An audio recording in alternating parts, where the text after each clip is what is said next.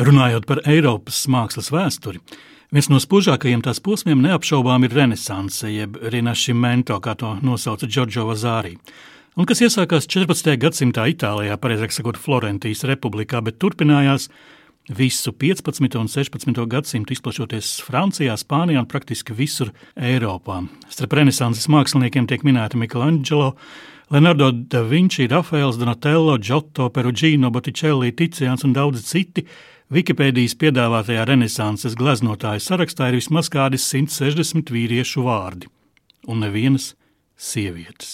Viņas tolaik tikai dzemdēja bērnus, slauca govis, gatavoja ēst. Jūs zinājāt, ka tā tas nebūtu nebija?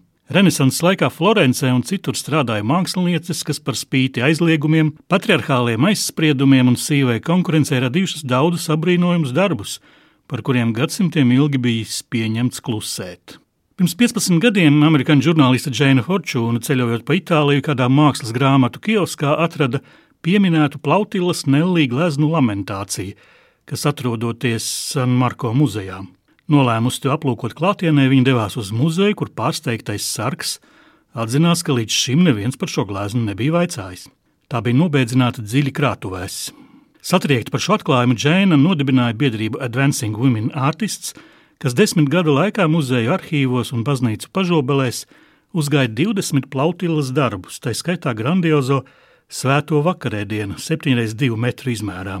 Pie darba ķērās restaurātori un ieraudzīja fantastiski jaudīgu un pārsteidzoši detalizētu darbu. Plautilla izmantoja platus un spēcīgus otru striepienus, taču lielu uzmanību veltīja detaļām. Apstuļu rokām redzams vēns un ienaģi, kompozīcija ir nevainojama un dinamiska, cilvēku figūras ir maigas un sievišķīgas, Taču tas izskaidrojams ar faktu, ka māksliniecei nebija ļauts studēt vīriešu anatomiju, visdrīzāk kailu vīrieti viņa nemaz nebija redzējusi. Pulisene Margarita Nelli ir dzimusi 1524. gadā Florencē, bagātā ģimenē. Viņas tēvs bijis veiksmīgs audumu tirgotājs. 14 gadu vecumā kļūstot par dominikāņu mūķeni, Svētās Katerinas klosterī turpat Florencē, Svētā Marka laukumā, viņa pieņēma vārdu Plautilla. Apguvusi gleznošanu pašmācības ceļā, Plautila kopēja mākslinieku Bronzīno, Andreja Del Sarta un Bartolomeo darbus. Arhīvos teikts, ka pēdējais novēlējis savas gleznas kādai mūķenei, kas glezno.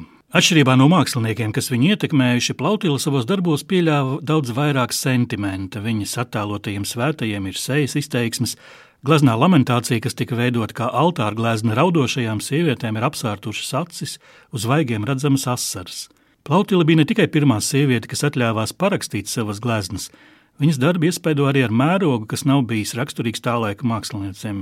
Jā, Plautila nebija vienīgā. Ir zināms, ka viņai bijušas skolnieces klostera māsas Prudence Kambija, Agata Trabalēzija, Marija Rudžērija. Svēto vakarēdienu palīdzējušas gleznot astoņas citas mūķenes. Būdama sieviete, Plautila nedrīkstēja pārdot savus darbus, taču to drīkstēja klosteris – Daudzi bagāti florencieši esot pasūtījuši gleznas tieši viņai. Starp māksliniecēm, kuru vārdus mēs no jauna uzzinājuši esam pavisam nesen, Jāpiemina arī Tintoretto meita Marieta Robusti, kas strādāja viņa darbnīcā un bijusi pieprasīta kā aristokrātu portretiste. Portreta žanrā darbojās arī Sofonisba Angvīsola, kuru gleznot iedrošināja viņas tēvs. 1554. gadā Romā satikusi Michelangelo Angvīsola kļuva par viņas skolnieci, taču par pagrieziena punktu viņas karjerā kļuva uzaicinājums uz Spānijas galmu, kur viņa mācīja gleznot karalienei Elizabetei. Nodzīvojusi līdz 93 gadu vecumam, Angvisala darbojās Sicīlijā, Pizā, Dženevā un Palermo, kļūstot par vadošo sava laika portretisti. Lielākā daļa viņas gleznu ir gājušas bojā. Par pirmo sievieti, kas spējusi ar gleznošanu nopelnīt iztiku sev un savai ģimenei, uzskata Lavīniju Fontānu. Vatikāna portretisti, kuras darbu klāstā ir pāvesta Paula V. portreti. Viņas vīrs esot vadījis maisaimniecību un rūpējies par 11 bērniem. 17. gadsimtā jau baroku glezniecībā ievērojams ir Artemīzijas Gentileski vārds – Viņa dzimusi gleznotāja Oracio ģimenē un apgūsi mākslu tēva darbnīcā. Iedvesmu gūsi no Karavadžo gleznām un ir ievērojama ar spilgtiem, naturālistiskiem sieviešu figūru attēlojumiem. 17 gadu vecumā tikusi izvarota, viņa liecināja tiesā un uzvarēja, bet viņas gleznās turpmāk redzam pievēršanos vardarbības, nāves un ciešanu tēmām.